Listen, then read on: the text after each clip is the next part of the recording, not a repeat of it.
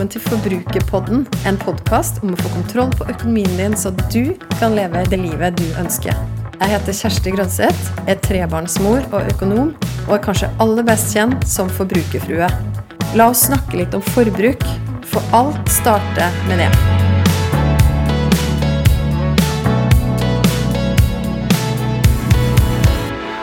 I dag i Forbrukerpodden så har jeg besøk av en dame. En dame som kaller seg din rotete mamma på Insta. Så jeg er veldig spent på å snakke med hun. Jeg gleder meg veldig til å snakke med hun om hvordan det egentlig da står til i økonomien. For du som hører på Forbrukerpodden, du vet jo at det her er en podkast om økonomi. Det er en podkast om å ta kontroll på økonomien sin, så du kan leve det livet du drømmer om. Så syns jeg det har vært litt spennende nå i det siste å ha med meg noen gjester som ikke nødvendigvis har en økonomibakgrunn, men som er en eller annen person som vi kjenner kanskje fra sosiale medier eller andre sammenhenger, og så dykke litt i hvordan står det egentlig til med økonomien. Og nå, Julie Valsø, da vil jeg først og fremst si hjertelig mhm. velkommen til Forbrukerpodden. Hei, tusen takk, så hyggelig. Du, Julie, bare først og fremst er jo superfan av deg og alt det du deler i dine kanaler. Din rotete mamma på Insta, kan ikke du si litt mer for de som hører på nå? Hvem er du? Um, ja, jeg syns jo egentlig det oppsummerer det ganske greit. Jeg er en rotete mamma som tilfeldigvis tuller uh, ganske mye på Instagram. Og innimellom så er det en del alvor også. Uh, så jeg deler uh, Jeg deler det egentlig fordi jeg savna det fellesskapet selv. Um, og jeg syns at vi skal ha mer rot i feeden vår på sosiale medier. Så er vel det kort sagt, eller? Ja, Det er interessant. Du vil at vi skal ha mer rot i feeden vår på Instagram. Kan ikke du, kan ikke du utdype det litt? Um, hvert fall, jeg vet ikke med deg, men når jeg scroller, så er det fortsatt uh, overvekt av uh, tips til hvordan du kan få til livet ditt bedre hele tiden. Det er tips til hvordan du kan rydde ting, det er tips til hvordan du kan kjøpe ting, det er tips til alt mulig. Og jeg vet ikke med deg, men jeg har altfor mange ting lagra i både nettleseren min og på Instagram som jeg aldri kommer til å få bruk for. Og så ser jeg eh, litt lite av det levde livet som jeg opplever mest av. Um, og jeg trengte et slags pusterom til å tenke at uh, det rotelivet som på en måte vi er midt oppi nå i den småbarnsfasen, det er ikke som et brukket bein. Det er ikke noe som kommer til å bli bra, på en måte. Det er, det er den hverdagen vi har. Så jeg gjorde egentlig dette også som et eksperiment for å slappe litt mer av med den fasen i livet som jeg er i nå, da. Var det greit ja, og, oppsummert? ja, og det, det, liker jeg veldig godt. Det, det syns jeg er utrolig inspirerende. Jeg er jo en del av denne feeden sjøl, og kjenner meg jo mm. veldig igjen. Og kan ikke du si litt om hvordan respons du får fra folk når du deler de tingene du gjør? Som regel er det veldig positivt, eh, og mange blir veldig glad for at jeg viser dem en rotete kjøkkenbenk og at jeg slapper av med en kaffe, for det da føler de at de kan gjøre det samme. Men jeg får negativ feedback også, som hvordan orker vi å leve i dette rotet, og at vi må skjerpe oss og alle sånne ting. Og da tenker jeg at eh, da er det fint at de får meg opp i feeden sin. Da trenger de kanskje ja. å se litt mer rot. Det er kanskje nettopp det, for det er jo noe med det å vite altså, Og det her føler jeg det har vært litt sånn snakk om i mange år. altså Ikke, ikke stol helt på Instagram-feeden, fordi at alt er filter, og ikke sammenlign ditt eget liv med noen andre sine Insta-høydepunkt, mm. liksom. Mm. Og så er det jo sånn, og det er jo flest det er jo flest hverdager, og det er jo mest kaos. Eh, det kjenner mm. meg jo veldig igjen i. og Spesielt når det gjelder når man er i småbarnsfase og sånn. da. Mm. Absolutt. Og det er, helt, eh, det er, helt, klart at du inspirerer jo mange, altså du treffer jo mange med det du gjør. Og når du da kaller deg din rotete mamma på Insta, så er jeg veldig nysgjerrig på Du snakker jo ikke nødvendigvis du om, så mye om forbruk og økonomi, men, men mm. hvordan står det til på den fronten? Mm, hvis jeg snakker om økonomi eller forbruk, så er det jo opp mot det å kjøpe brukt. Eh, og bruke ting til andre ting enn det det var ment til. Jeg har f.eks. et bord, et stuebord som egentlig er en skjenk, som jeg bare har snudd på hodet, for da har jeg lagring oppi den. Jeg har uh, sånne Ivar-hyller, de der i tre, som skjuler et ganske stygt dusjkabinett fordi vi leier nå og vi kan ikke pusse opp. Så jeg, hvis jeg snakker om det, så er det jo i forhold til det. Um, men jeg tror nok folk blir litt overraska over når jeg sier at vi planlegger egentlig økonomien vår ganske mye, men på de mer på en måte mm, Hva skal jeg si langsiktige planene, da. Og ikke så mye til de små hverdagstingene. Da kan vi unne oss ting. Ja, ok, så dere har langsiktige planer med mm. økonomien mm. deres. Vil du, vil du, mm. dele noe av det? Eh, ja, vi har jo De som følger meg fra før av, de vet jo at uh, vi er jo ikke de som har mest kontroll på hverdagen, men vi lager femårsplaner likevel. Og de femårsplanene går jo ikke ut på så, egentlig så veldig mye rundt økonomi eller um, om vi skal ha hus eller hund eller flere barn. Men det går ut på hvem er det vi har lyst til å være, og hvor er det vi har lyst til å være. Og da blir jo økonomiske valg um, mer en løsning enn der vi starter. Da. Så for å på en måte nå det målet vi har lyst til, eh, f.eks. Handler det også noe om å spare penger til konkrete ting i den femårsplanen? Ja, ja, ja. Hvordan ser det ut? Mm, absolutt. Det er et godt poeng. Fordi eh, jeg er en veldig, som en distré person, så trenger jeg å ha en gulrot i enden for å på en måte fullføre ting. um, så ofte så handler disse femårsplanene om, eller generelt ting vi ønsker oss, um, om å ha den gulroten i enden. Og da er det mye lettere å spare og mye lettere å sette ting til siden, fordi det føles ut som du vet hva som kommer i enda, og du vet på en måte hva du sparer til. Jeg er nok ikke en person som kan spare eh, bare for å spare. Jeg trenger på en måte å se hva jeg får ut av det. Ja, og da har du et konkret, da har dere noen konkrete ja. mål i den femårsplanen, mm. ikke sant? og så, og så ja. spare dere frem mot det. Det hadde vært veldig gøy å dele akkurat hva den slutten av den gulroten er, men ikke helt ennå. Vi holder på å spare til noe, som også er grunnen til at vi flyttet eh, og holdt på å styrte i sommer. Så vi kunne spare enda mer enn det vi gjør nå. Det er veldig spennende, og det er jo en litt sånn teaser på hva som kommer. sånn at du som ennå ikke følger Julie i sosiale medier, Julie Valsø, da er det et tips, hett tips om mm -hmm. å følge hennes profil og følge med på hvilke spennende ting som er på gang framover. Men, mm. men her, her, er vi inne på noe som Jeg vet ikke, er det, er det en slags trend at man, at man setter setter seg gjerne et liksom drømme, sparemål, et ønske om å skape en kanskje litt annen livsstil. Og så, betyr, så, får det noen konsekvenser for valgene man tar i dag. Altså, du sier jo det, vi, mm. vi flytta, vi nedskalerte litt på standarden, kanskje flytta til et sted der vi kunne få litt billigere leie. Altså, sånne, mm. er, du, er, liksom, er, du, inspirert av, av, noen på dette området, eller, det, eller har det på en måte bare landa veldig sånn i dere?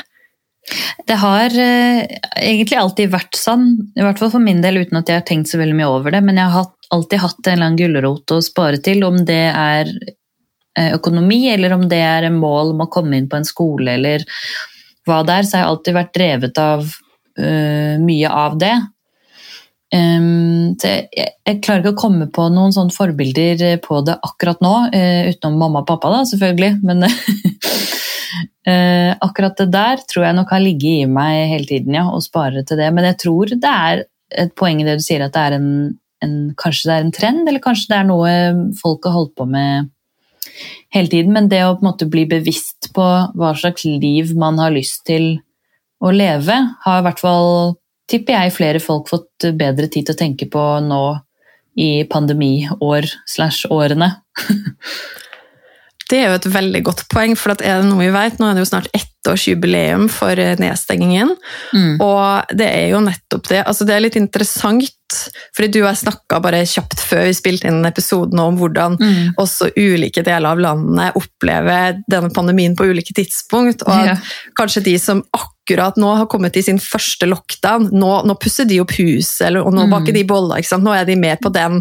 Mens, mm. mens, vi som begge to bor i Oslo, vi har jo vært gjennom det her eh, mange ganger nå. Og for mange så begynner det å bli ganske krevende, men er det én mm. ting som er sikkert, at det, det, får jo på en måte konsekvenser for hvordan vi lever livet vårt. Og akkurat det med å reflektere over det, det er utrolig inspirerende. Mm. Så tror jeg det handler om um, og Kanskje vi har fått en del tips til liksom, for oss selv, da, hvordan vi effektiviserer hverdagen. Og det har jo mye med økonomi å gjøre òg. Um, sånn som mange av dine tips går jo på å spare der man ikke ser at man sløser. Um, F.eks. ved liksom, uh, mathandling. Og det tror jeg nok folk er ganske overraska over at um, der igjen så har vi ganske god styring, fordi jeg tror eh, hvis jeg skal analysere mine egne økonomiske valg og motivasjon for å spare, så handler det mye om effektivisering. Altså, eh, grunnen til at jeg månedshandler, f.eks., er ikke fordi at jeg tenker først og fremst at jeg sparer penger på det, men fordi jeg sparer så sabla mye tid på det. Og så er det en positiv effekt at jeg sparer penger på det også. Ok, du månedshandle, det må du si litt mer om. Fordi jeg snakker jo veldig om, om ukeshandling, men du har tatt mm. det på en måte ett hakk lengre ja. og snakke om månedshandling. Hvordan, hvordan, ser det ut i praksis?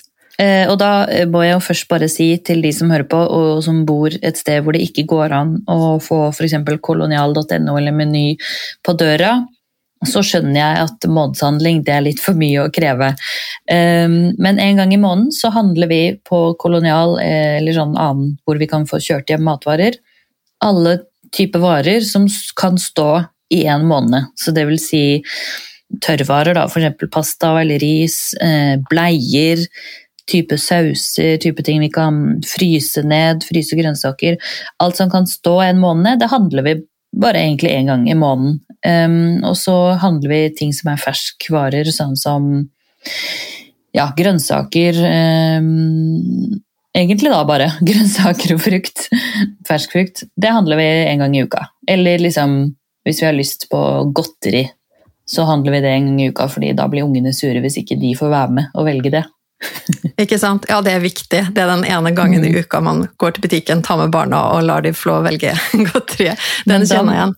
Da merker jeg at jeg impulshandler mye mindre, for da går jeg ikke på butikken uh, sur og, og, har allerede jobba masse og har med meg barn. Uh, som jeg for øvrig også har et triks til, uh, som du kanskje har sett, er at jeg har jo, eh, og dette er jo sikkert dumt hvis det kommer ut til absolutt alle butikker i hele Norge, men mine barn får lov til å, å sitte på um, sykkelen sin inne i barnehagen. De er jo fortsatt, nei, i barnehagen, i butikken. De er jo fortsatt ganske små, så da sykler de etter meg som to sånne små andunger uh, i butikken. og så hvis de har klart å holde begge hendene på styret, så får de en premie når vi er ved kassa. Og det er jo fordi det er oftest er lørdag når de er med, så er jo det godteriting de kan ta med hjem. Så et lite tips fra meg til de andre som har ganske små barn. Kan man ha de der balansesyklene inn i butikken, og da har du ikke hender som er på frifot og plukker med seg ting. Det er veldig ja, Nå ser jeg virkelig for meg det der veldig levende. Hvordan da andemor og andeungene på slep racer rundt gjennom butikken og får belønningen sin når de har klart å holde begge hendene på styret. Det er veldig bra. Det er jo et godt tips, fordi at eh, et eh, generelt tips er å ikke ha med barna i butikken når man handler, fordi at de nettopp mm. ender opp med å, å velge litt sin egen vei. Og at mm. man kanskje i en, særlig hvis man er i den klassiske handle på et tidspunkt der man er sliten, trøtt, sulten sjøl, så er det jo mye mm. lettere å bare si ja til ting, da. Ja, ja, absolutt. Men det her er jo veldig interessant, Julie, for her snakker du jo om å ha femårsplaner og månedshandling, og samtidig så du deler du jo veldig sånn eh, hverdagen med rot, og du snakker om at du er litt eh, sånn eh, impulsiv og litt Hva heter det, distré i hverdagen. Mm. Mm. Men men det kan nesten høres ut som du bare har gjort det her for å hacke deg sjøl litt, da, og bare strukturere opp noen deler av livet. Mm, jeg tror eh, jeg, altså, Nå føler jeg jeg kan snakke for alle småbarnsforeldre, men jeg kan jo ikke det. Men eh, jeg tror ikke småbarnsforeldre savner ting å gjøre. Så jeg tror hvis man på en måte hacker seg selv litt, sånn som du kaller det, så, så klarer man å la de andre tingene gå litt mer. Altså Man klarer å la rotet flyter litt mer, kanskje. Du klarer å, å, slappe av med den kaffen hvis du på en måte har effektivisert noen av de andre delene av livet ditt, sånn at du slipper å hele tiden å gå og huske på eh, all den smoothien du skulle kjøpe til den og den dagen etterpå, eller eh, Ja, og det er jo en annen ting jeg gjør også. Jeg slipper å gå og tenke på om sko og jakker er for små, eller om det er hull i dem, fordi eh, istedenfor å leite når ting skjer, så er jo dette også en sånn ganske sånn langtidsplanlegging jeg holder på med. At jeg handler klær til barna ca. en gang i halvåret. Og så selvfølgelig, hvis det på en måte trengs mer, så handler jeg jo det. Men da slipper jeg å bekymre meg for det frem til da, og så bare har jeg en eh, skikkelig god kveld hvor jeg bare saumfarer Finn og gjør alle disse tinga her. Og kjøper inn til det neste halvåret og regner sånn, ja da vokser de ca. sånn og så mye. Så har jeg det. ja, Så da har du planlagt, og så handler du klær og utstyr som barna trenger for neste halvåret? Mm, da slipper du å ha sånne unødige Oh, sånne irriterende hverdagstanker som du driver og skriver ned på mobilen om og om igjen, fordi du glemmer det hele tiden at det er hull i den støvelen. Og så bruker du masse tid fordi du har lyst til å spare penger og du har lyst til å spare miljøet på å leite på Finn eller Tice, eller så ender du opp med å hastebestille noe fra Jolly Room likevel, fordi du ikke orka eller fant. Så det er et tips fra meg til deg, alle sammen, er at eh, det har hjulpet meg veldig, i hvert fall. Da slipper jeg å bekymre meg, og jeg sparer de pengene jeg har lyst til å spare, og jeg slipper å kjøpe så mye nytt um, på impuls fordi at jeg kommer på ting hele tiden. Det der er veldig sant, altså, det du sier der med at eh, vi bruker utrolig mye tid på de der småtingene som vi må huske på hele tida. Jeg kjenner meg veldig mm. igjen i det, å notere ned ting på notater på mobilen. Og så, mm, mm. og, kjenner meg igjen i det du sier at nei, men jeg stikker jo ikke og handler det bare der og da, for jeg tenker jo gjerne at jeg skal ja, kjøpe brukt, ikke sant. Og så, og så, og så blir det altså det det fører med seg. Det er ikke nødvendigvis det at å, så ble det kostende litt mer, men det er også veldig mye stress. Mm. Så det å langtidsplanlegge som du gjør, er jo fantastisk. Og da tar du bare, samtidig som du skal kjøpe inn det nye utstyret, så sjekker du det gamle som ikke passer mer. Kan du selge det videre, eller skal du legge det ned og passe på det i tilfelle du får flere barn?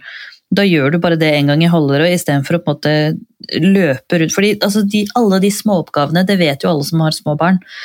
Alle de småoppgavene de stjeler så mye tid og så mye krefter fra oss at det på en måte Man glemmer egentlig hva man holdt på med fordi man kommer på noe nytt hele tiden. Ja, helt enig. Jeg kjenner meg veldig igjen. Og så kjenner jeg meg igjen i at når, når man da har mye altså Sånn som det har vært nå det siste året, da, så skal vi jo forsøke å kombinere jobb og det å håndtere liksom stadig skiftende okay, hjemmeskole i noen perioder, hjemmebarnehage, plutselig karantene. ikke sant? Altså, det har jo vært mye sånne skiftinger. Så kan det jo fort bare bli kaos, og så er det vanskelig å Eller jeg kjenner meg i hvert fall at Ok, men, men, men hvor altså Svømme litt sånn opp til overflata, bare prøve å få hodet over vann. Og så har jeg jo gjerne ting som jeg også ønsker å oppnå, som er litt sånn større, de større drømmene, eller de større mm. så liksom, Og så kan man fort bli litt sånn miste motet på det, da, fordi at åh, nå er alt bare litt sånn unntakstilstand og litt kaos i hverdagen. Mm, og så er det noe med hva eh, Hva koster det å kjøpe ting billig. Altså, hvor lang tid bruker du på å finne, da, på å finne den perfekte støvelen som koster halvparten av prisen som den ville gjort ny? Jeg tror nok også man sparer penger totalt ved å på en måte gjøre noen sånne små grep. Da, om å si til seg selv at nei, nå skal jeg ikke drive og leite etter det før jeg kan på en måte planlegge litt frem i tid. Og da tenker man kanskje første gangen at dette her bruker jeg mye mer tid på. Nå har jeg jo brukt en hel helg på å på en måte finne alle tinga for det neste halve året, men da har du spart utallige mange timer resten av året på å ikke bruke så mye penger på impulskjøp og på å finne ting underveis. Altså, jeg leiter og leiter, jeg bruker så mye tid på å finne den perfekte et eller annet. Og så har jeg jo brukt altfor mye tid på det, og så ender jeg opp med å ikke kjøpe det, og så, ja, du vet. Det minner meg faktisk veldig mye. Jeg vet ikke om Har du lest en bok som heter Seven Habits of Highly Effective People? Av en som heter Stephen Covey? Nei, det har jeg ikke lest, men det høres ut som my jam. Det burde jeg jo lest. Absolutt, for du snakker om effektivitet, og, og, den boka der det er jo en tidløs klassiker. sånn at du mm. som hører på, det er en anbefaling til alle. Og den, den snakker om noe som heter det En av vanene er å starte med slutten og tenke seg men hva, okay, hva er det som jeg ønsker å oppnå. Sånn, og, så, og så spole seg bakover, da, sånn som dere med den femårsplanen. Ok, Hvilke konsekvenser får det da i hverdagen? ikke sant? Og så husker jeg ikke om det er akkurat knytta til den vanen, eller om det er en annen vane, men så snakka de om en sånn der big rocks. Og da tar han et bilde, og her, jeg, har også tatt et kurs i den boka her, da, gjennom jobb. og så, Da tar de ofte sånn, gjør det veldig visuelt å vise et bilde av Du har noen store steiner, og så har du masse sand, og så skal du få plass til det i en sånn glassbeholder. Ja, stemmer. Og så er på en måte spørsmålet hva starter du med? Og da er det jo sånn, ok, Man kan jo prøve, da. Starte det gjerne med å ta, fylle all den sanda. Og så fyller jo mm. den seg opp, og så skal man prøve å plassere de større steinene oppå. Så ser man at nei, men det fikk jeg jo ikke plass til.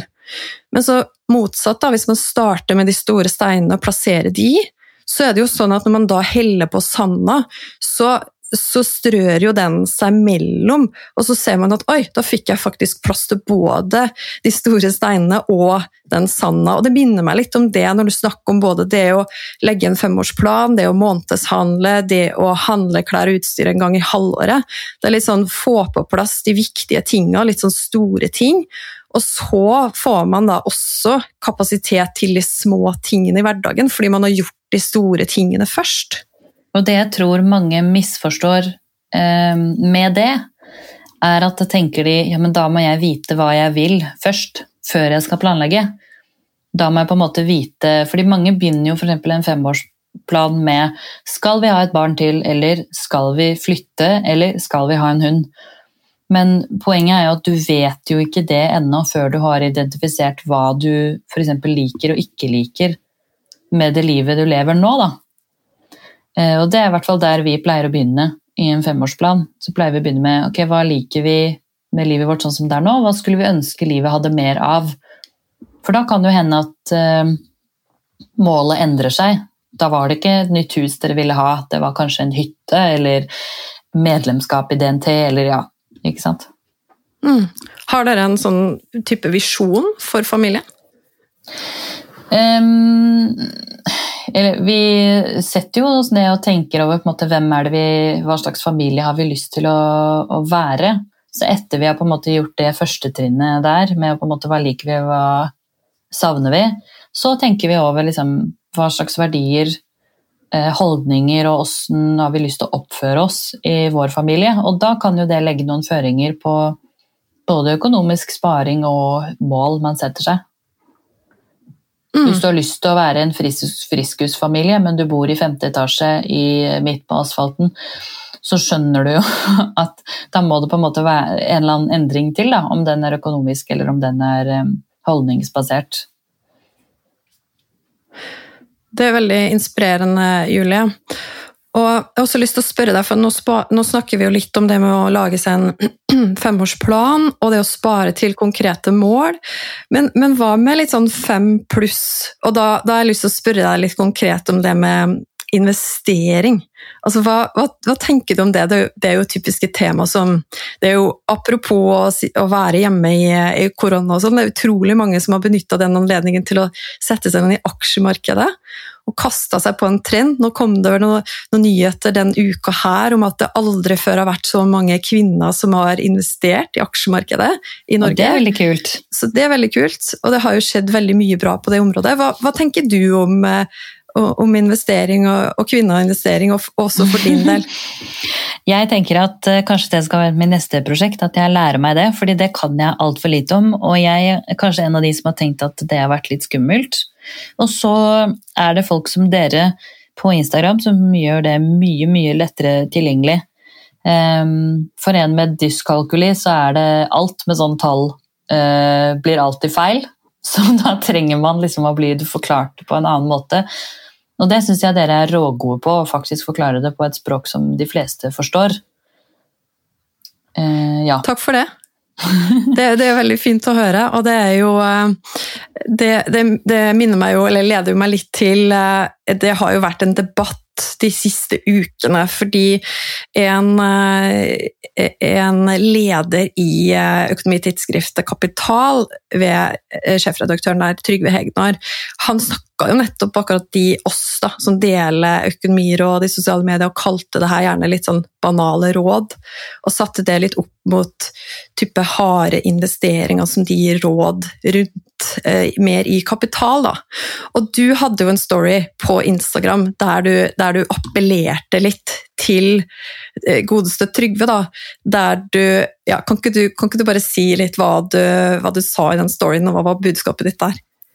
Budskapet mitt var jo egentlig bare at hvorfor bruker Trygve Hegnar så mye tid på å lage en leder, da? Når eh, tid er penger, som man da sier selv. Hvorfor skal han på en måte begynne å legge seg opp i Ja, det, det føltes så utrolig meningsløst, og en veldig sånn meningsløs sammenligning. De to tingene er jo ikke det samme. Ehm, og likevel så har begge to en stor verdi. Så det var vel egentlig bare et lite sånn humoristisk skråblikk på Han bruker veldig mye tid på å kritisere noe som ikke har noe å si for han, eller for tiden hans, eller for kundene hans, eller noen ting. Så det er bortkasta økonomisk sett, vil jeg si. Ja, så 'Time is money man' var jo din ja, var konkrete appell til Trygve. Den var jo helt fantastisk. Fikk du noen respons på den, eller? Ja, det syns folk var veldig morsomt, og det tok eh, brodden litt ut av det, føler jeg òg. Ehm, fordi her trenger man virkelig ikke å sette tå opp mot hverandre. Det her er eh, Det ble absurd for meg. At det var tydelig at han ikke helt skjønte hva dere holdt på med. Ehm, føler jeg, da. Uten at jeg har satt meg så ekstremt mye inn i hva forskjellene er. Jeg tenker jo også at de to verdenene lever veldig fint ved siden av hverandre, sånn som du sier. For det handler jo Vi snakker jo mye om det å, å, å få litt sånn grep om ja, hverdagsøkonomien, men også, også, kunne se de store linjene. da, Tenke ok, hva må jeg faktisk Hvordan ønsker jeg å investere pengene mine, sånn at jeg kan få det livet som jeg drømmer om på litt lengre sikt også, ikke sant? Mens det, de rådene som de formidler, det, det, handler, det, krever jo en helt annen kunnskap. Det gjør det jo, for det er jo mer konkrete råd på bransjer, aksjer innenfor spesifikke selskap, bransjer osv. Men eh, altså, jeg er helt enig, de lever veldig fint side om side. Så handler det om hvilke perspektiv eh, man gir råd fra, da. Altså eh, hvis man gir råd ut ifra kun sin egen nese, Altså om man klarer ikke å se lenger ut ifra andres omgivelser og perspektiver, så gir man jo et dårlig råd.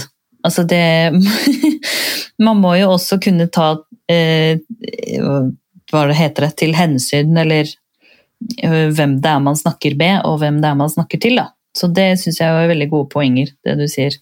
Mm. Men eh, ikke sant? Så det skal være ditt neste prosjekt, det med å sette seg inn i og kanskje skjønne litt mer av, av investeringa. Det blir jo spennende å følge med på det, ja. da, Julian.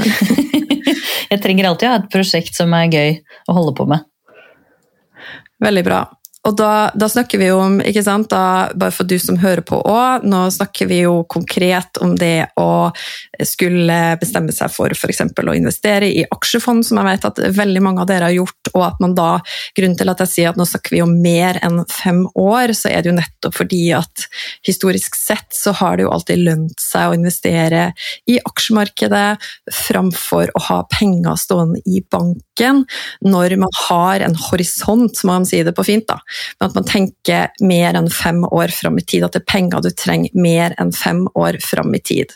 Og jeg vet, for jeg får fortsatt meldinger fra folk som er usikre, nettopp det som du sier. altså Er det, er det trygt? Er det, og nå har jo aksjemarkedet svinger jo opp og ned med nyheter om vaksine og det ene og det andre, ikke sant. Mm. Men det med å da lage seg en langsiktig investeringsplan, det mm. er jo det vi snakker om her. Så fikk du som hører på den også, den lille appellen. Det er viktig å minne oss på det. Vi investerer for langsiktige, og gjerne de aller mest langsiktige måla som vi har. Du Julie, du er veldig inspirerende å følge, og jeg syns at det her har vært en utrolig fin prat, også for å tenke litt de store, lange linjene, og hvordan man kan sette en retning for seg sjøl og sin familie og sitt liv, og også ta noen gode grep i, i hverdagen. Mm. Mm. Og det er lov Man husker også at det er lov å ikke få det til, og det er lov å ta feil. Og det er lov å gjøre justeringer underveis. Det tror jeg vi glemmer at det er vi som lager reglene også, for våre egne strategier. Så man, det, det, må være lov at ikke alltid den femårsplanen skjedde, og at du ikke klarte å forutse at uh, joggeskoene skulle bli ødelagt før det hadde gått seks måneder. Så det må man også huske. At det er stor rom for feil, feiling og mye raushet til seg selv. Det er så sant, og det er et så viktig poeng. Og litt for å avslutte, gå inn for landinga av episoden, men å avslutte litt der vi starta, med nettopp sosiale medier. Og hvor lett det er å sammenligne seg med alle andre.